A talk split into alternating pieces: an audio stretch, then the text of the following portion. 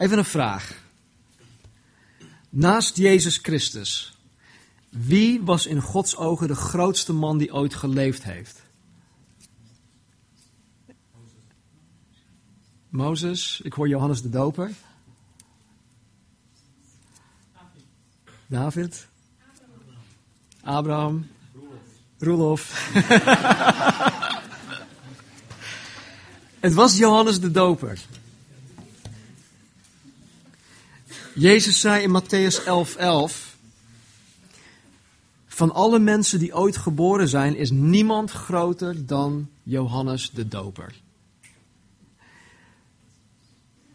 Wat zo frappant is, is dat Johannes de Doper niet hoog opgeleid was. Hij was niet getraind in een bepaald vak of beroep. Hij had geen geld, of althans hij had weinig geld. Hij had geen hoge rang in het leger. Johannes de Doper had geen politieke macht. Hij had geen status of prestige. Hij was niet van hoge komaf. Was waarschijnlijk niet wel bespraakt. En ik denk niet dat hij een filmster uiterlijk had. Dus de wereld die de grootheid van de mens bepaalt door dit soort dingen, door zijn vermogen, prestige, positie en dat soort dingen, die zou Johannes de Doper niet eens zien staan. Maar in Gods ogen was Johannes de Doper de grootste. Van alle mensen die ooit geboren zijn, is niemand groter dan Johannes de Doper. Nou, dit wekt in mij een vraag op. Waarom zou God dit soort mensen kiezen om Hem te dienen, om Zijn koninkrijk hier op aarde te vertegenwoordigen?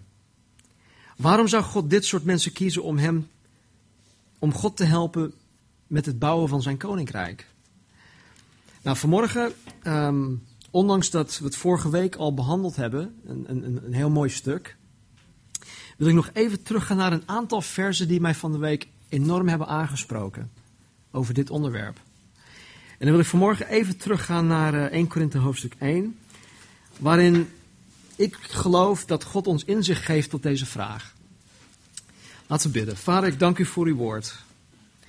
Heer, open onze ogen, onze harten, onze oren, Vader. En zoals Jezus ook zegt, Gij die oren heeft, laat hem horen wat de Heilige Geest tot de gemeente te zeggen heeft. Dus Heer, geef ons open oren om te verstaan, te begrijpen, volkomen tot ons te nemen, Heer, wat u te vertellen heeft uit uw woord. Dank u wel. Amen. Ik lees het eerst even uit uh, de vertaling Het Boek. En dan kom ik daarop terug en dan lezen we het uit uh, de herziene statenvertaling. Uh, 1 Korinthe 1, vers 26. Paulus zegt, kijk maar eens naar uzelf, broeders. Onder u die door, die door God geroepen werden, zijn, menselijk gesproken, niet veel grote denkers. Niet veel invloedrijke en vooraanstaande personen. Nee, God heeft juist wat voor de wereld dwaas is uitgekozen om hen die zichzelf zo wijs vinden terecht te wijzen. Hij heeft de zwakken van de wereld uitgekozen om de sterke te beschamen. God heeft het onaanzienlijke en verachtelijke van de wereld uitgekozen. Dat gebruikt hij om wat in de wereld belangrijk is buitenspel te zetten. Dus zal geen mens zich ooit voor God op iets kunnen beroemen. Tot zover. Nou, uit het, uh, de herziene statenvertaling in vers 26 staat: Let namelijk op uw roeping, broeders, of kijk. Er zijn onder u niet veel wijzen naar het vlees niet veel machtige, niet veel aanzienlijke. Paulus roept deze mensen, de Corinthiërs, de gelovigen daar op om naar zichzelf te kijken als een voorbeeld. In Korinthe waren weinig mensen tot geloof gekomen die, die wijs naar het vlees waren, ofwel mensen met wereldse of menselijke wijsheid. waar Joey het vorige week over, over had. De wereldse wijsheid waar hierover gesproken wordt, probeert continu te ontdekken wat het leven te betekenen heeft. De grote levensvragen. Waar en hoe het leven is ontstaan. Waar het naartoe zal gaan en wat de mensheid eraan kan doen. Ik weet of jullie het, nieuws hadden gevolgd een aantal maanden geleden, maar in Zwitserland was uh, via CERN hadden ze geprobeerd een, um, een heel groot uh, experiment. Waar ze probeerden. Um, hoe zeg ik dat? Ze probeerden de, de, de oorsprong van de oerknal te ontdekken. En ze hebben letterlijk, ik weet niet hoeveel honderden miljoenen, misschien wel miljarden euro's uitgegeven. om dit apparaat en om dit heel groot ding tot, tot stand te brengen. Maar goed, het experiment is mislukt. En dan verklaren ze weer waarom dat is mislukt. Dus ze verklaren bepaalde dingen weg. Dus, maar goed, de wereld in haar wijsheid probeert nog steeds te ontdekken waar het leven is ontstaan. Waar het naartoe gaat. of dat soort dingen. Wat wij eraan kunnen doen, waar, het, waar de wereld naartoe gaat. Als ik het over de wereld heb, dan heb ik het niet over de wereld, de, ons planeet. Maar dan heb ik het over de wereld die zich afkeert van Jezus Christus. Dus dat is een, een, een wereldsysteem. Een wereldse manier van denken. Een, een wijsheid die zich afkeert van God. Dus in die zin spreek ik nu over de wereld. En de wereld die zich van God afkeert, spendeert al haar tijd en energie om de antwoorden op deze vragen te vinden. net zoals dit gebeurde in CERN in Zwitserland. En de mens vereert het hoger onderwijs en de meningen van de hoogleraren die zich hiermee bezighouden. Je wil niet weten hoe, hoe die, die kopstukken die daar allemaal mee bezig zijn, hoe de, de mensen om hun heen, die mensen gewoon vereren van, oh man, uh, ik wil zijn, zijn laatste boek wil lezen. Ze staan in de rij om, om zijn, die, die boeken te, te, te krijgen. Ze staan in de rij om een, een gesigneerd exemplaar te krijgen. Dus mensen vereren de hoogleraren en hoger onderwijs. En hoe oprecht hoe objectief, hoe wetenschappelijk, hoe overtuigend de menselijke wijsheid ook lijkt, het dient altijd de trots, de koppigheid, de menselijke vleeselijke neigingen en de onafhankelijkheid van de mens. Het, het, ja, in het Engels zeggen het, it caters to the flesh. Het dient het vlees. En ondanks dat menselijke wijsheid continu aan het veranderen is, hè, want de ene theorie komt, die andere theorie gaat, en het blijft maar komen en gaan. De menselijke wijsheid verandert continu. Ondanks dat het continu beproefd wordt en veel te wensen overlaat, houdt de wereld zich vast aan deze dingen. Waarom? Omdat zij de ware wijsheid, Gods wijsheid, volkomen negeren. Ze laten het links liggen. En door menselijke wijsheid wordt de mens verhoogd en God wordt verlaagd. Paulus zegt in Romeinen 1, vers 25: Zij, dus over de wereld gesproken, zij hebben de waarheid van God vervangen door de leugen. En het schepsel vereerd en gediend boven de schepper. En Paulus zegt hier in vers 26: dat weinig van de Corinthiërs die deze wereldse wijsheid aanhingen, tot geloof zijn gekomen. Wij hebben in onze gemeente een, uh, een professor, dokter, een hoogleraar op het gebied van uh, biologie en op het gebied van uh, wiskunde. En deze persoon heeft zijn hele leven lang um, heeft zich vastgeklampt aan wereldse wijsheid, aan, aan, aan, aan um, science, wetenschap. En op een oudere leeftijd is die persoon tot geloof gekomen. Maar het is maar één uit. Zijn er, nog, zijn er trouwens nog andere professoren hier in, in de zaal? Nee, oké. Dus dit is maar één uit deze groep. En zo is het ook met Paulus. Hij zegt, weinigen van jullie, hè, met deze wereldse wijsheid, zijn tot geloof gekomen. Ook waren er niet veel machtigen, hè, dus mensen met invloed in de gemeente. Ook waren er niet veel aanzienlijke mensen van adel die onder de Corinthiërs tot geloof waren gekomen.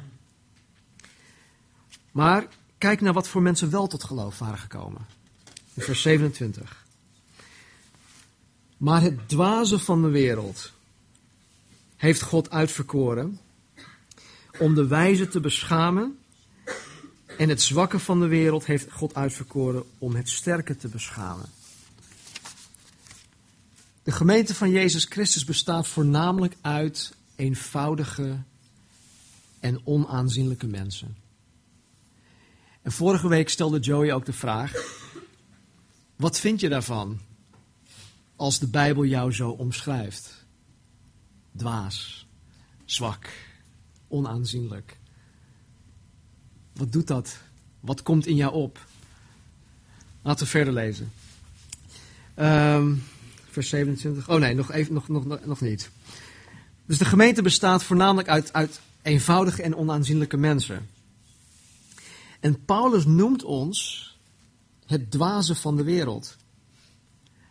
Nou, geloof me, het is niet zo dat God ons als dwazen ziet. Hij zegt niet van, oh Stan, kijk die dwaas. Zo ziet God mij niet. En maar wij worden in de ogen van de wereld wel als dwazen gezien. En niet alleen omdat wij in Jezus Christus geloven, maar zelf, zelfs in, in, in de wereld, al was ik geen christen, als ik even kijk naar mijn situatie bij Shell, dan sta ik nu op de repro. Dat is op kelderniveau, hè, van een heel, een heel mooi gebouw. Ik werk dus in de kelder. De verdieping in de lift is min, of is het, ja, min, min 1.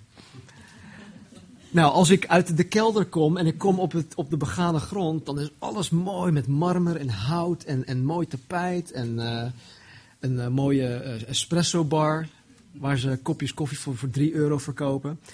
En dan lopen al die hoogopgeleide mensen rond met zulke hoofden. En sommigen zijn heel aardig hoor, begrijp me niet, niet verkeerd. Maar dan lopen ze echt zo rond met zulke hoofd. En dan, dan, kom ik, dan loop ik daar rond met mijn, met mijn worker pants en mijn, uh, mijn shirt waarop Service Point staat. En met mijn, mijn mesje en mijn, en mijn, en mijn pen in mijn, in mijn, in mijn broekzak. En dan, dan hoeven ze niet eens te zeggen. Maar als ze naar me kijken, dan is het van. Oh. Arme stakker, ja. Dus en dan kom je met hun in aanraking. Hè, ze komen naar de repro toe. Dan zijn ze heel, heel, heel vriendelijk. Oh, wat goed. Oh, kan je dit voor me doen? En dan zijn ze poeslief. Maar als je hun dan tegenkomt in de wandelgangen. Dan kijken ze je niet eens, niet eens aan. Nee, dan, uh, ze kijken overal behalve jouw richting. Dus zelfs, on, ze weten niet eens dat ik christen ben. Dus alleen maar wegens mijn plaats, mijn status in deze maatschappij. word ik als dwaze gezien. Of als zwakke. Goed, God ziet ons niet zo. Ook noemt hij ons het zwakke van de wereld. dat wil zeggen dat wij niet invloedrijk zijn. Ook niet gewelddadig. Maar misschien ook niet brutaal genoeg. Ik word heel vaak verteld dat ik niet brutaal genoeg ben. Als ik dingen voor elkaar wil krijgen, moet ik brutaal zijn. Maar volgens mij is dat niet bijbels. De mensen van de wereld die zich van God afkeren, beschouwen ons, wij die de wereldse wijsheid en filosofie niet aanhangen en najagen, zij beschouwen ons als dwazen en als zwakken, of misschien wel slappelingen.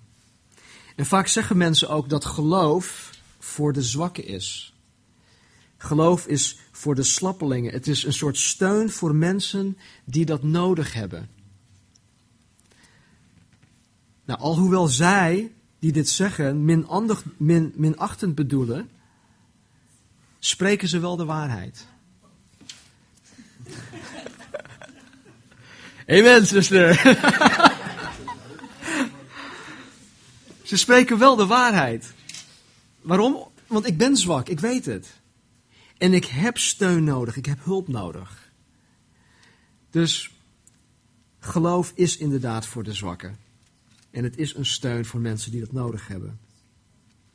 Maar God zal juist ons, God zal, hè, wij die door de wereld als dwazen en zwakken bestempeld worden, God zal ons gebruiken om de zogenaamde wijzen van de wereld en de sterken van de wereld te beschamen. En dit gebeurt door de wijsheid en de kracht die God ons geeft. Het is niet mijn eigen wijsheid of mijn eigen kracht die de, deze grote mensen zal beschamen. Nee, het is de wijsheid die God mij geeft. Nou, met regelmaat. En ik, ik, ik, ik schep hier niet mee op hoor, dus begrijp me niet verkeerd. Het is gewoon een voorbeeld. Maar met enige regelmaat worden mensen waarmee ik praat uh, met stomheid geslagen. En ik vind het best wel komisch wanneer het gebeurt. En want op, op een gegeven moment hebben ze dan niets meer te zeggen. En dit zijn mensen die meestal een hele vlotte babbel hebben, die, die op alles een antwoord hebben. Maar wat gebeurt er? Ze worden met stomheid geslagen. En dan is het niet omdat ik zo wijs ben, maar God geeft mij op bepaalde momenten de wijsheid en hij geeft mij op bepaalde momenten de woorden die ik dan nodig heb om hun de mond te snoeren. En het gevolg daarvan is dat zij met hun eigen wijsheid niet tegen de wijsheid van God op kunnen. Dat kunnen ze niet.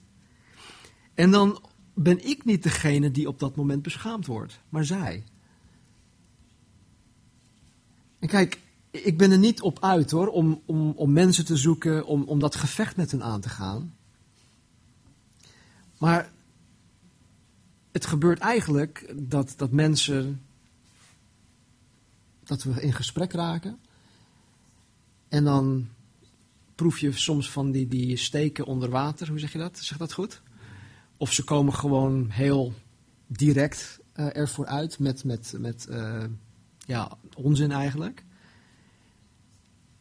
En dan geeft God je de wijsheid om hun op dat moment te beschamen. Nou, dat is wat nu, ook, nu eigenlijk al gebeurt. Maar uiteindelijk, wanneer de wijzen van deze wereld voor Gods aangezicht komen te staan,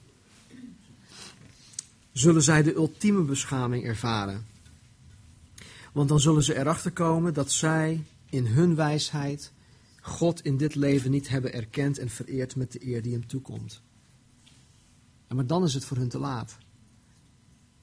Nu is het moment. Nu is het moment om de goddelijke wijsheid aan te nemen, waardoor ze Jezus Christus kunnen leren kennen. Vers 28. In het onaanzienlijke van de wereld en het verachten heeft God uitverkoren. En wat niets is. Om wat iets is te niet te doen. Het onaanzienlijke en het verachten van de wereld is datgene dat de wereld beschouwt als niet bestaand. of als iets dat geen enkele betekenis heeft. Denk even, denk even aan degene op je school die niet populair zijn. Denk even aan degene op je school die geen merkkleding dragen. Of degene op je school die gepest worden. Denk ook even aan de buitenlandse schoonmakers op de grotere treinstations. Die kauwgom van de grond afschrapen. Denk aan de minder valide Denk ook even aan je eigen plaats in deze wereld, in de maatschappij. En hoe de wereld jou beschouwt. Dit soort mensen, schoolgenoten, klasgenoten, de schoonmakers op de treinstations. Dit soort mensen ziet de wereld niet staan. En de wereld ziet ze zeker niet zitten. Het is triest als je op, op, op centraal stations bent, uh, het zij Den Haag of, Amsterdam. Het is gewoon triest hoe, hoe mensen deze mensen behandelen. Als vuil. En het is, ja, ik, uh, als, als je haast hebt, dan, heb, dan maak je natuurlijk geen tijd voor, voor mensen, sowieso niet. Maar als je wel tijd hebt, dan is het ja, toch de moeite waard om, om, om mensen een glimlach te geven. Of goedemorgen te zeggen of goedemiddag. Want ze worden door de rest van de wereld volkomen genegeerd. Mensen kijken neer op deze mensen. De wereld kijkt neer op deze mensen.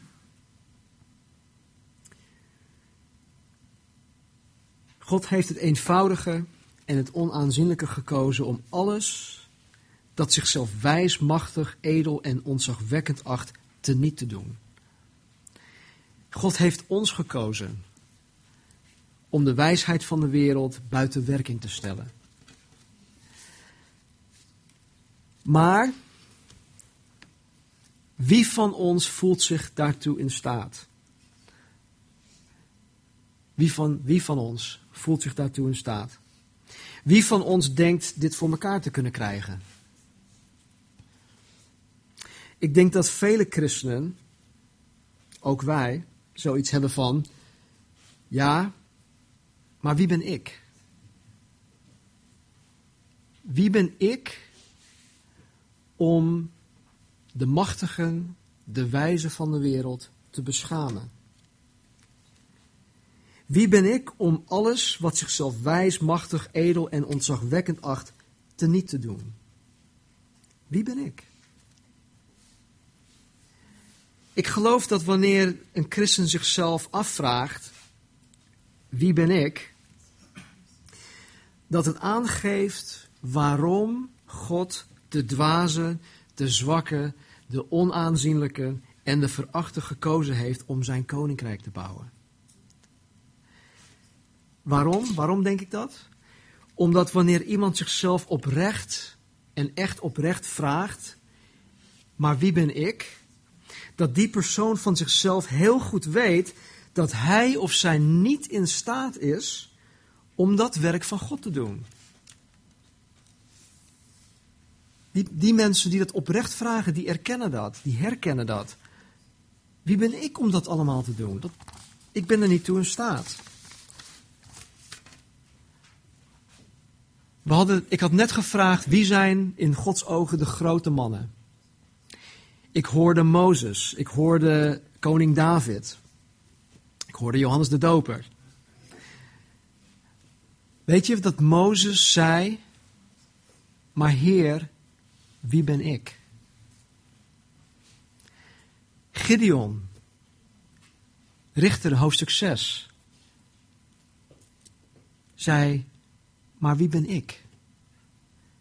Koning David zei, wie ben ik? Koning Salomo zei: Wie ben ik? Al deze dienstknechten van God stelden deze vraag. En al deze dienstknechten hadden van God de wijsheid en de kracht gekregen om de wijze en de machtige van de wereld te beschamen. Stuk voor stuk. Dus als je jezelf vanmorgen afvraagt: wie ben ik? dan ben je in heel goed gezelschap. Mozes, koning David, koning Salomo, Gideon. God kiest dit soort mensen. God kiest jou en mij. Mensen die zichzelf afvragen, maar wie ben ik? Waarom kiest God dit soort mensen? Waarom heeft God ons gekozen? In vers 29 krijgen we het antwoord. Opdat geen vlees zou roemen voor zijn aangezicht. De bedoeling is dat God altijd de eer en de glorie krijgt die hem toekomt.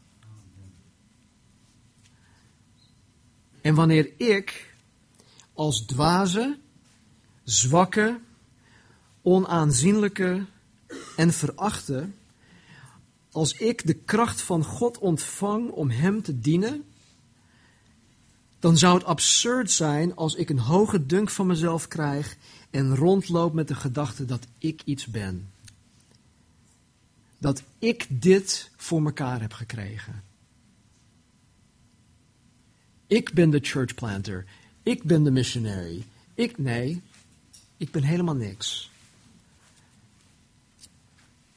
Dus ik kan mezelf niet beroemen op, op, op Ik kan me beroemen op niets. Want ik kan uit mijn eigen niets. En het is alleen maar doordat Jezus Christus mij de kracht en de wijsheid geeft, dat ik überhaupt iets mag doen voor Hem. Dus God heeft ervoor gezorgd dat de ware dienstknecht van God zichzelf niet voor hem op iets zou kunnen beroemen. Nou, ik vind het mooi, want dit houdt Gods dienstknechten afhankelijk van hem. Het houdt Gods dienstknechten nederig en klein. En dit was eigenlijk ook de, de, de houding van Johannes de Doper, de grootste man die ooit geleefd heeft. Hij zei: Jezus moet meer worden en ik moet minder worden. En dit is ook een element dat ons, dat wij als gemeente hoort, uh, het hoort ons te verenigen, die gedachte, die instelling. Jezus moet meer worden, ik moet minder worden. Ik kan me op niets beroemen. Dat brengt eenheid. Vergeet niet dat, dat, dat Paulus dit gedeelte geschreven heeft in de context van verdeeldheid en eenheid. Nou, als je, als je jezelf vanmorgen afvraagt, wie ben ik? Ik heb het mezelf ook meerdere malen afgevraagd. Als je jezelf dat vanmorgen afvraagt, dan heeft God een heel mooi woord voor jou.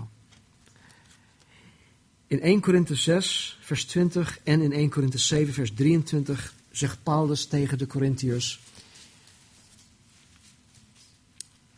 U bent duur gekocht. In hoofdstuk 6 zegt hij: U bent immers duur gekocht. En in 7, vers 23 zegt hij: U bent duur gekocht. Dus wie ben ik? Ik ben duur gekocht. God heeft voor jou en voor mij de hoogste prijs betaald. Om ons zijn eigendom te maken. Hij heeft in ons alles geïnvesteerd. Alles. Hij heeft als het ware zijn hele spaarpot geleegd om ons te kopen. Dat is wat. En God heeft een hele grote spaarpot. Nee, hij heeft het, aller, het meest kostbare, hij heeft het allerbeste. Zijn eigen zoon heeft hij voor ons gegeven om ons vrij te kopen. En Petrus zegt ook even verder dat wij verlost zijn met het kostbaar bloed van Jezus. Wij zijn gekocht en verlost door het kostbaar bloed van Jezus. Dus wie ben je? Je bent duur gekocht. Je bent kostbaar in Gods ogen. Al ziet de wereld jou niet als kostbaar, God ziet jou als kostbaar. Je bent Gods oogappel, je bent die parel van grote waarde. Zo kostbaar zijn wij in Gods ogen. En God heeft jou, God heeft mij, God heeft ons gekozen om Zijn wijsheid, die ons tot dit besef brengt, die wijsheid in de wereld te verspreiden. Jezus zei in Johannes 15:5: Zonder mij kunt u niets doen. Zonder mij kunt u niets doen. Dus waar is het roemen? Ik weet dat alles wat ik gegeven ben, dat ik het van Hem heb ontvangen. En als wij beseffen hoe kostbaar wij zijn in Gods ogen, als ik besef hoe kostbaar ik ben in Gods ogen, hoe kostbaar jullie zijn in Gods ogen, dan gaan we ook heel anders met elkaar om.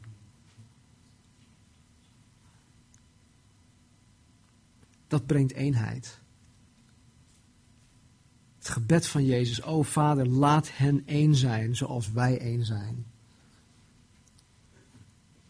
En met het besef dat wij als dwazen voor de wereld, als zwakken, de uitverkorenen zijn om de wereld te beschamen. En dat we kostbaar zijn in zijn ogen. Dat geeft mij alleen maar een enorm respons uit mijn hart van dankbaarheid naar God toe. En dankbaarheid dat God ook jullie heeft gegrepen.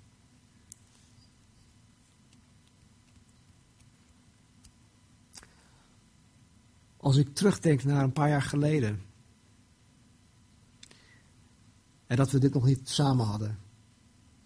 En uh, als ik terugdenk naar uh, mensen die sindsdien of tot geloof zijn gekomen of gegroeid zijn, enorm gegroeid zijn in hun geloof. Dan heb ik zo'n ja, zo'n overweldigend gevoel van dankbaarheid. En dat komt niet uit mezelf, dat is iets dat God in me gegeven. En ik weet ook dat God, ja, dat God heel dankbaar is voor een ieder van ons. Hoe raar het ook misschien ook mag klinken. Hij heeft het gedaan in ons, maar toch geloof ik dat Hij dankbaar is voor ons. Ondanks dat het Zijn werk is. En zonder Jezus kunnen wij niets doen. Heb je jezelf al aan Jezus gegeven?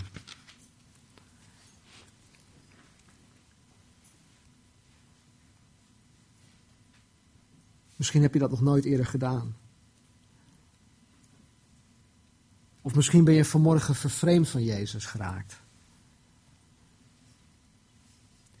Door omstandigheden, door zonde, door domme dingen die je hebt gedaan, door schuldgevoelens. En misschien legt de Satan er een schepje bovenop en die druk je steeds lager en lager en lager de grond in. Dan is nu het moment om het met hem in orde te maken. Kostbaar. Kostbaar zijn we in Gods ogen. Hij heeft het allerbeste gegeven om ons tot zich te nemen.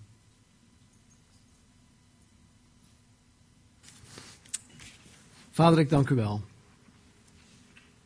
voor het volmaakte offer, Heer, van uw Zoon. Heer, I'm forgiven because you were forsaken.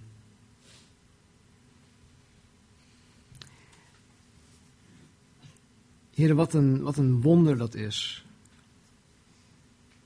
Dat de schepper van hemel en aarde zich vernederd heeft, verlaagd heeft, Heer, om tot de aarde te komen als mens en om mijn straf op zich te nemen.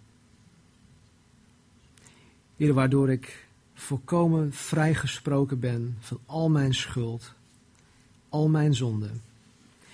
Waardoor ik overgestapt ben uit de duisternis tot het koninkrijk van het licht van Jezus Christus. Waardoor ik overgestapt ben van de wereldse eigen wijsheid tot de goddelijke wijsheid. Waardoor ik overgestapt ben van de dood naar het leven. En Heer, ik dank u dat wij, ja, dat wij dit mogen beleiden. Ik dank u, Heer, dat u het mogelijk heeft gemaakt. Dat u zo ver bent gegaan om ons te redden. Om ons te redden van dood en verderf en ons te redden tot eeuwig leven. U, Heer, te kennen, dat is eeuwig leven. Help ons, Heer, om U beter, steeds meer te leren kennen zoals U bent. Dank u wel, Heer. Bid voor een ieder vader dat, dat u deze week met ons meegaat. Heer, dat u ons zal behoeden en bewaren tegen de wereld, ons vlees en ook de duivel. Dat u ons overwinnaar zal maken. En heren, dat we met de gedachte dat wij kostbaar zijn. Heren, dat we met die gedachte met elkaar om zullen gaan in liefde en in vrede, in eenheid. En heren, dat we ook mensen buiten de gemeente mogen vertellen, heren, dat zij kostbaar zijn in Gods ogen. O heren, help ons. Geef ons die gelegenheid. Open de deuren, heren, voor ons om dit geweldig nieuws met andere mensen te mogen delen. Geef ons de creativiteit. Dank u wel, Heer. In Jezus' naam. Amen. Laten we staan.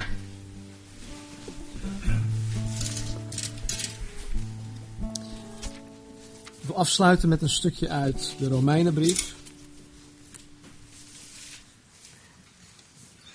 Waarin Paulus zegt: Wat zullen wij dan van deze dingen zeggen? Als God voor ons is, wie zal tegen ons zijn? Hoe zal Hij, die zelfs zijn eigen zoon niet gespaard, maar voor ons allen overgegeven heeft, ook ons met Hem niet alle dingen schenken? Wie zal beschuldigingen inbrengen tegen de uitverkorenen van God? God is het die rechtvaardigt. Wie is het die verdoemt? Christus is het echter die gestorven is, ja, wat meer is, die ook opgewekt is, die ook aan de rechterhand van God is, die ook voor ons pleit. Wie zal ons scheiden van de liefde van Christus? Verdrukking of benauwdheid, of vervolging, of honger, of naaktheid, of gevaar, of zwaard? Zoals geschreven staat, want omwille van u worden we de gehele dag gedood. Wij worden beschouwd als slachtschapen. Maar in dit alles zijn wij meer dan overwinnaars door Hem, die ons heeft liefgehad. Want ik ben ervan overtuigd dat niet de dood, ook niet het leven of de engelen, de overheden, de krachten, ook niet tegenwoordige of toekomstige dingen, ook niet hoogte of diepte of enig ander schepsel ons zal kunnen scheiden van de liefde van God, die is in Jezus Christus onze Heer. Mogen jullie met deze zekerheid, deze wetenschap, deze ruimte vandaag verlaten. Neem het mee, deel het met elkaar en wees daarin gezegend.